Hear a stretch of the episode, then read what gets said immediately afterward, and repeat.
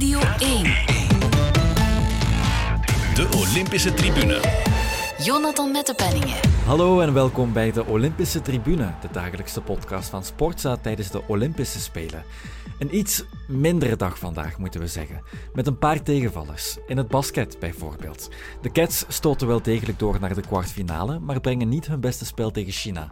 Daar heb ik het straks over met Christophe van der Goor. En ook in de atletiek zagen we goede en minder goede prestaties. Maar ook de goede werden achteraf ingepakt in jammere tegenvallers. Het gaat niet lukken. Hij gaat uh, misschien wel uh, laatste worden. Kirani James uh, gaat zich plaatsen met ja, Zambrano. En Sakor sterft in de achtergrond. Ja, ik weet zelfs niet eens wat er helemaal fout is gegaan. Imke Vervaat zij aan zij met Elaine Thompson. Die bekijkt het wel, maar Imke Vervaat gaat vierde worden. Dat is knap. Dat is een knappe race van Imke Vervaat. Kokuit doet het heel goed in de buurt echt voorbij, uh, Russell.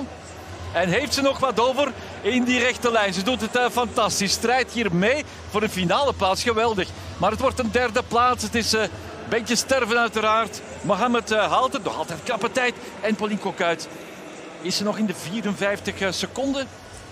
Dat wordt spannend. Ja, mijn doel was toch echt die finale plaats. En ik zit er mijn tiende van, dus dat is echt heel rot. Geen onverdeeld succes van onze Belgen op de derde atletiekdag in Tokio, maar wel enkele halve finales en gewoon een steengoede Paulien Koekuit in helse omstandigheden. Ik heb het erover met Maarten van Gramberen vanuit het Olympisch Stadion. Hey Maarten. Hey, dag Jonathan. Hoe zit het daar trouwens met die uh, helse omstandigheden nu? Uh, wel, de piste is nog mesnat. Er staan nog overal uh-huh. plassen, maar het is intussen al flink aan het opdrogen. En dat komt ook omdat het hier gewoon bloedheet is. Nu nog altijd, ga je eens even kijken, het is nu nog altijd bijna 30 graden. Dus de piste zal snel opdromen, maar daar straks bij, bij, bij en op die twee reeksen daarna, toen gingen de hemelsluizen echt geweldig open. Ja. Ja, laten we meteen beginnen bij haar. Opnieuw een nationaal record in die regen, dus op die glibberige piste. Voor de derde plaats uiteindelijk net geen finale. Ze had er wel eentje verdiend, hè? Ja, ze had er eentje verdiend. En ze, ze moest eigenlijk heel tevreden zijn met een fantastisch Belgisch record. Hè. 50, 47. Ze doet bijna een halve seconde af van haar vorige Belgische record. Fenomenaal. Mhm. En toch kwam ze hier aan na de reeks. En ze was derde geworden. En ze was kwaad op zichzelf. Ze zegt, het gaat niet waar zijn, het gaat niet waar zijn, het gaat niet waar zijn. Ik ga mhm. de, net uit de boot vallen met de verliezende tijden. Ze was boos op zichzelf dat ze niet tweede was geworden. Omdat ze mhm. op horde 8 begon te trippelen. Een klein beetje aan het trippelen dan ga je niet zuiver over de horde. En ze was te veel bezig met de Jamaicaanse die aan het opkomen was. En ze voelde het komen. Ze heeft hier, zij liep in de eerste van drie reeksen. Ze heeft hier dus bij ons die hele twee reeksen gezeten, te sterven, te ijsberen rond te lopen, te duimen. En dan bij die laatste reeks dachten we nog, en uiteindelijk waren het drie, was het één tiende. Één tiende als het tekort kwam. En dat was heel dubbel, want eigenlijk moet je heel blij zijn met een fantastisch record. Uh, dat je gelopen hebt met een fantastische prestatie op je eerste spelen. En aan de andere kant was ze zo ontgoocheld dat ze die finale niet halen. Want dat zou de tweede Belgische geweest zijn ooit die een finale kon halen mhm. op, uh, op uh, Olympische Spelen na Kim Gevaert. Dus het was heel dubbel. Het was heel dubbel. Ja. Het is een giftig cadeau. Ik herinner me nog het interview na haar kwalificatiereeks. Een plaats in de finale zag ze toen niet gebeuren, dus het kan heel snel veranderen. Ja, ja, ze zag dat toen niet zitten, maar dat deed ze ook wel een beetje om de, om de druk wat af te houden. Is dat ook de tiende of de elfde tijd om in die halve finale te gaan. En ze zei ook wel van die reeks, ik heb het laten liggen. Nu, veel, veel atleten lopen nog niet vol vol. En zij had ook nog wel wat overschot. En dan, ja, ze liep tot, tot in die laatste bocht, liep ze echt een perfecte race. En dan begon het getrippel en ze voelde de bui hangen van als ze hier kwam. En, ah, ze moest een traan wegpinken, ze was ook gelukkig. Het was zo'n mix van gevoelens. Maar, maar als je zo dicht bij een finale bent, jouw eerste Spelen, Olympische finale, 24 jaar, je moet die kansen grijpen die er zijn. En ze zal dat wel eens doen op een WK. En ze zal het zeker doen op een EK, waar heel veel mogelijk is. Maar ja, de Olympische Spelen, dat is het allerhoogste. En dus, ja, ja het deed pijn. Aan onze microfoon ook, een zwarte Het komt er wel nog aan voor, uh, voor Koek uit. Maar er is wel al wat gebeurd vandaag. Het begon ook al heel vroeg. Onze Belgen toonden zich deze ochtend vooral goede verliezers. Imke Vervaat en Elise van der Elst mochten allebei met een verliezende tijd naar de halve finales. En twee keer met, met, een, met een eigen verhaal, hè? Ja, absoluut. Elise uh, van der Elst die, uh, moest ook de eerste reeks lopen en die stond hier ook de ijsbeer. Dus hier een ijsbeerplekje voor onze inter interviewpositie, moet ik zeggen. En uh, ze heeft dat nogal eens gedaan op het EK. Ze is, is de Europees kampioen indoor geworden in uh, Torun. En toen liep ze ook dramatisch slecht in de reeks. Nu was ze vooral niet slecht. Ze liep 1400 meter top en dan liep ze helemaal stil. Maar ze had dan toch nog relatief snel gelopen. En uh, bij die 1500 meters, alles boven de 400 meter, heeft ontzettend hard te lijden onder de warmte. Want toen we de tijd zagen van uh, Elise van der Elst, dachten we, oei, dat gaat nooit een van de beste verliezende tijden zijn. Maar dat werd het wel uiteindelijk bij haar. Uh, omdat het zo moeilijk lopen is door die hitte en door die luchtvochtigheid. En morgens is het nog veel, veel warmer. En ze heeft er uiteindelijk gehaald. En het is iemand met een ongelooflijke focus, een ongelooflijk killerinstinct. En ze is heel snel op het einde, behalve vandaag nu. Um, nu het niveau tussen Europa en de wereld, dat is gigantisch groot. Het verschilt wel een beetje. Ja, ja, op die 500 meter, daar komt de hele wereld samen. En in die loopnummers, op die halve fotter, op die langere afstanden, is de concurrentie, zeker met Afrikaanse landen, verwoestend. Maar ze heeft iets. Mm. Ze heeft iets. Ze heeft echt killerinstinct als. Dus dat was heel leuk. En dan hadden we nog dat andere verhaal van Imke Vervaat. Fantastisch. Dat is een mm. amateursporter, die staat dus uh, in de palie, hè. die staat dus gewoon ja. uh, uh, te pleiten voor mensen die het een en ander hebben uitgestoken. Ongelooflijk. Een, een, een hele straf. Ze heeft, ze heeft gestudeerd trouwens aan de universiteit in Parijs, Sorbonne. Daar heeft ze mhm. gestudeerd op een oudste universiteit.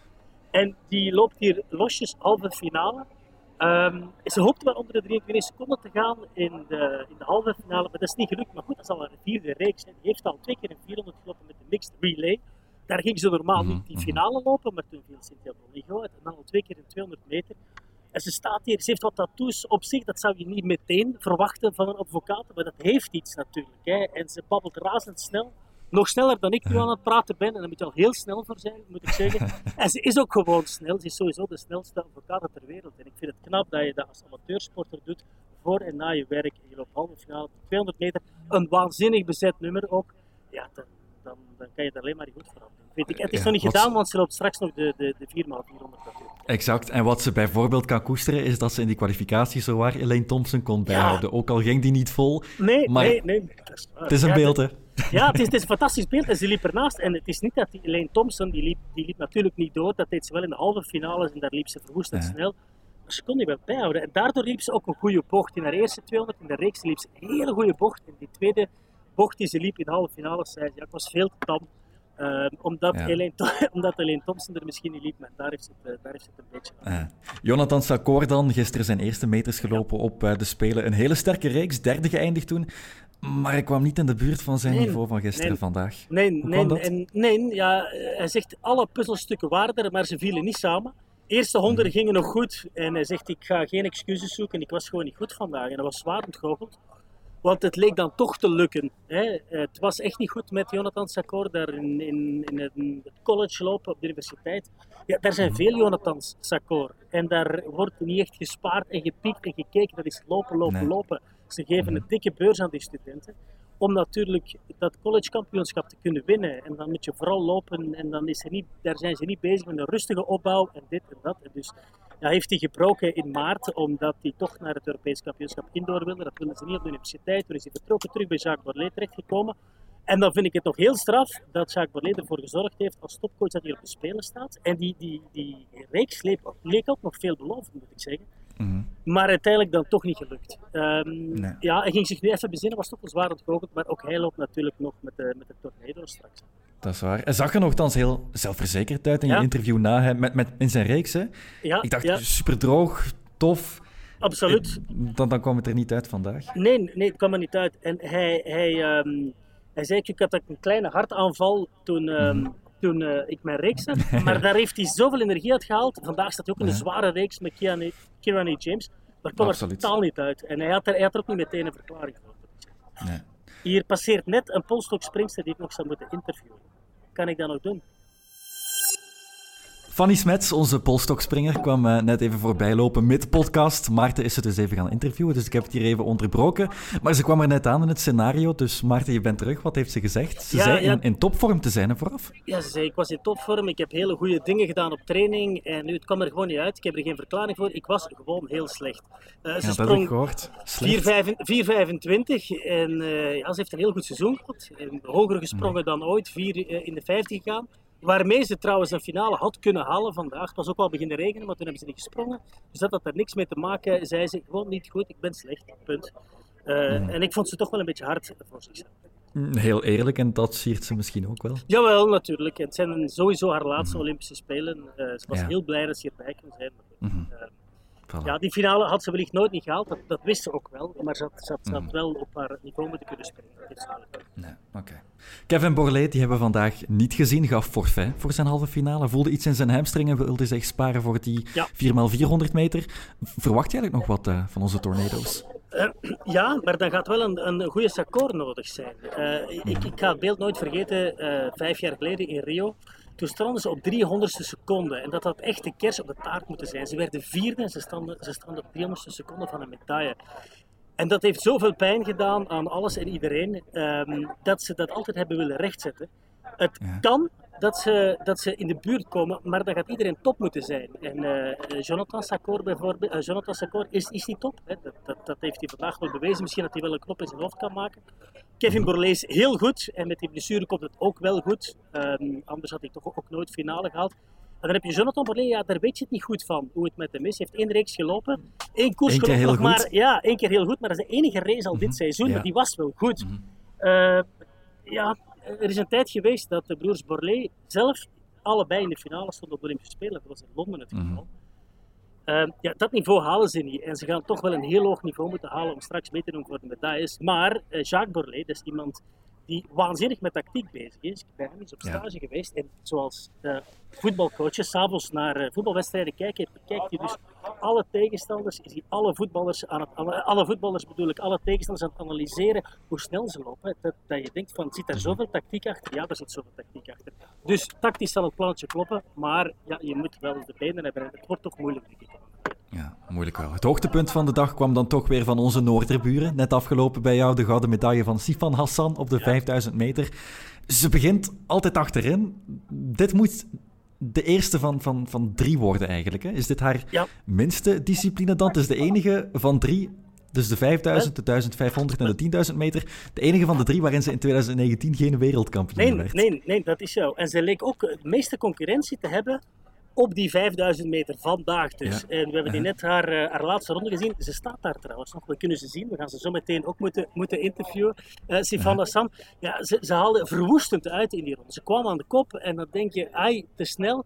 Nee, ze komt uit die bocht en alles en iedereen was weggeblazen. Dit was de moeilijkste van, eh, van de drie. Maar, dat hebben we nogal gemerkt bij afstandlopers, onderschat omstandigheden niet waarin er gelopen kan worden. Het was nu iets frisser misschien, door die regenbui die net is geweest, maar het heeft wel een geweldige impact op jouw lichaam. Dat zagen we ook bij Kimeli op zijn 10.000 meter. Ik hoop dat hij hersteld gaat zijn voor 5.000 meter.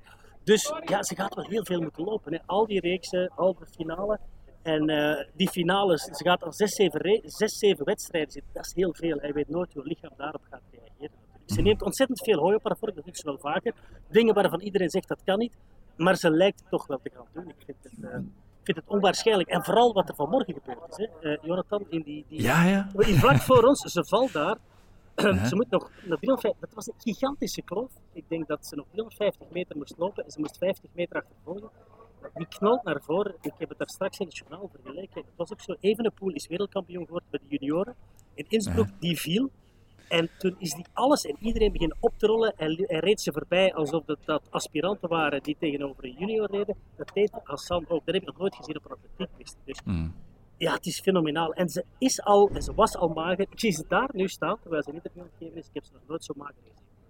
Ze komt er wel bijna aan. Ze komt er wel bijna Ja, aan. ze, Bijna dan gaan we hier ook afronden. Maar ze doet alles met sprekend gemak. Dus die 1500 en die 10.000 meter ook echt nog om in het oog Ja, te het houden. kan. Ja, absoluut, Ja. absoluut. En ik heb speciaal, Jonathan, dat is misschien het laatste ik kan zeggen, ik heb een oranje t-shirt aangetrokken dat ik ze zeker kan strikken, want Voilà. zij heeft natuurlijk ook een oranje shirtje. Ja, ze zal jou wel vinden dan. Oké, ik ga maar interviewen en heel erg bedankt Maarten van Gramberen.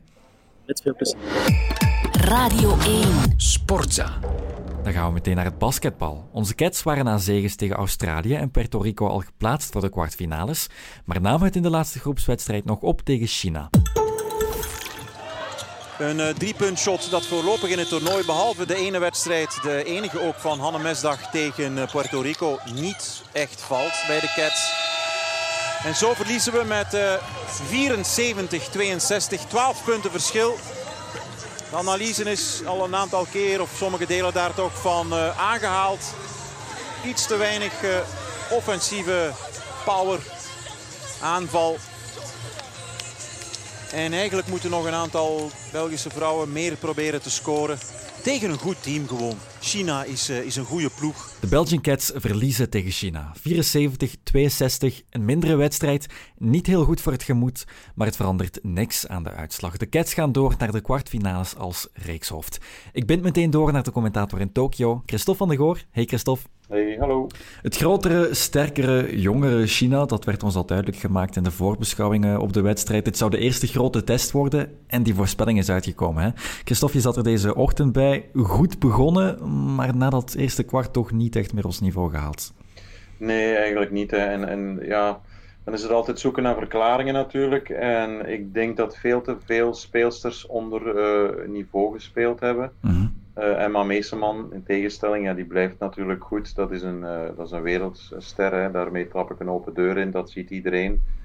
Um, maar ja, nee, dus ze krijgt te weinig steun en dat werd vandaag um, pijnlijk duidelijk, moet ik zeggen. In die zin dat zij en uh, shots creëert, fases creëert. Zij laat anderen scoren. Mm Ze scoort zelf ook nog eens. Hè. In de eerste helft uh, van buiten 24 punten. Dat is gigantisch veel. Echt wel. Ze neemt dan ook nog eens rebounds. Uh, en op het einde van de wedstrijd was het, ik denk zelfs Marjorie Caprio, die de bal aan, aan Emma Meeseman gaf. En dan moest ze zelf ook nog eens even de bal opbrengen en spelverdeelster spelen. Nee. Dus dat is gewoon te veel voor Corneel. En ja, het heeft geen zin of weinig zin in zo'n fase van een toernooi om namen te gaan noemen. Maar ja, er zijn er gewoon te veel die onder niveau blijven. En zeker wanneer je dan een strakke en straffe tegenstander hebt, die mhm. weliswaar een aantal plaatsen uh, lager staat op de FIBA-ranking, maar dat zegt niet altijd alles. Maar gewoon een heel vinnige, jeugdige ploeg met jong talent, die kort verdedigen, die relatief weinig tijd geven om een shot te nemen, waardoor eigenlijk de snelheid van uitvoering, zoals het in alle sporten is, ook op het mhm, internationale voetbal, ja, de snelheid van uitvoering is de laatste jaren zo belangrijk geworden. En als je dan strak verdedigd wordt uh, op je, en je krijgt niet rustig de tijd om een shot aan te lengen, dan kan het gebeuren, zoals vandaag, dat de driepunters uh, niet binnengaan. En uh, ja, op internationaal niveau kom je dan gewoon tekort. 2 op 18, dat is echt mhm. een, een dramatisch getal, ook voor de Cats, die daar vaak in uitblinken in het nemen van drie punters. En ja, dan komt het gevaar, het off de offensieve kracht komt uh, van veel te weinig andere uh, vrouwen. Uh, ja. En dat is jammer. -huh. Je wilde geen namen noemen, dat is een, maar... Dat is een vaststelling. Ja, ja. ja, je wilde geen namen noemen, maar ik heb, als ik de wedstrijd had bekeken, dacht ik... De tweede vrouw die degelijk tot goed was, dat was Julie Allemand. Een paar punten gescoord, maar je merkte wel, als zij niet op het veld stond, dan was het inderdaad Emma Meeseman die, die het spel moest maken. Caprio die dat inderdaad een beetje minder deed. Julie van Loo die dat degelijk deed wel, maar het kwam inderdaad echt in de handen van Meeseman.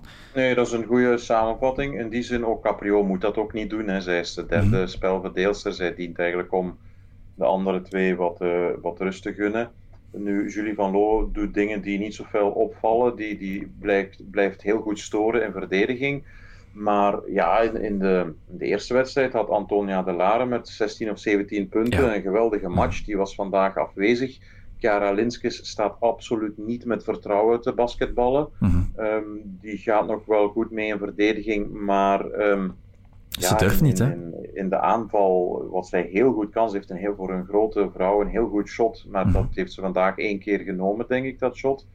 Um, Billy Messi in de verdediging, ja, maar ook in aanval uh, geen enkele dreiging. Dus dat is gewoon, ja, dat is te weinig. En wanneer dan nogmaals uh, van de familie Mestag het uh, driepuntshot, wat de grote kwaliteit is, wanneer dat niet binnengaat door een of andere reden, ja, dan heb je al, dan noem ik al meteen vier, vijf namen op mm. natuurlijk, van wie dat er minder offensieve dreiging komt. En dan valt gewoon te veel op de schouders van, uh, van Emma Meeseman. En dat zie je wel in andere ploegen ook. Bijvoorbeeld eerder op de dag keek ik naar Frankrijk uh, tegen Amerika.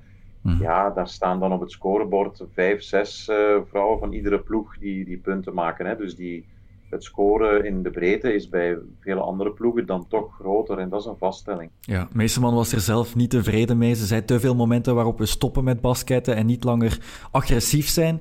Is dat enkel omdat ze al geplaatst waren en het niet echt meer hoefde? Of zit het ook echt wel wat dieper?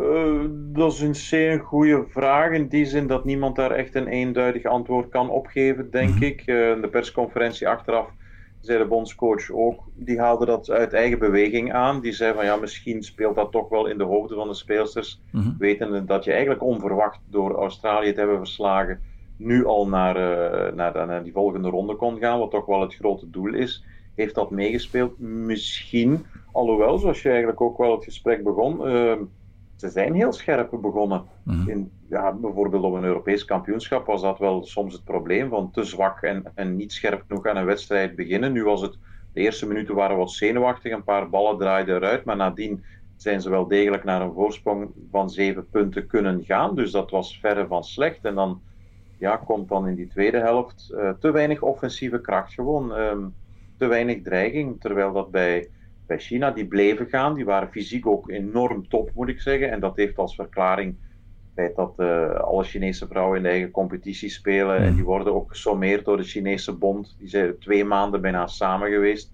Dat is op dat vlak qua automatisme een ongelijke strijd met onze Belgian Cats. Dat was heel duidelijk. Mhm. Eh, die vrouwen vonden elkaar blindelings. En eh, ja, verre van een slechte ploeg, eh, China. Dus als je dat allemaal samen optelt, kom je, bijna, kom je tot die vaststelling van deze uitslag. En dat is in zekere zin een reality check.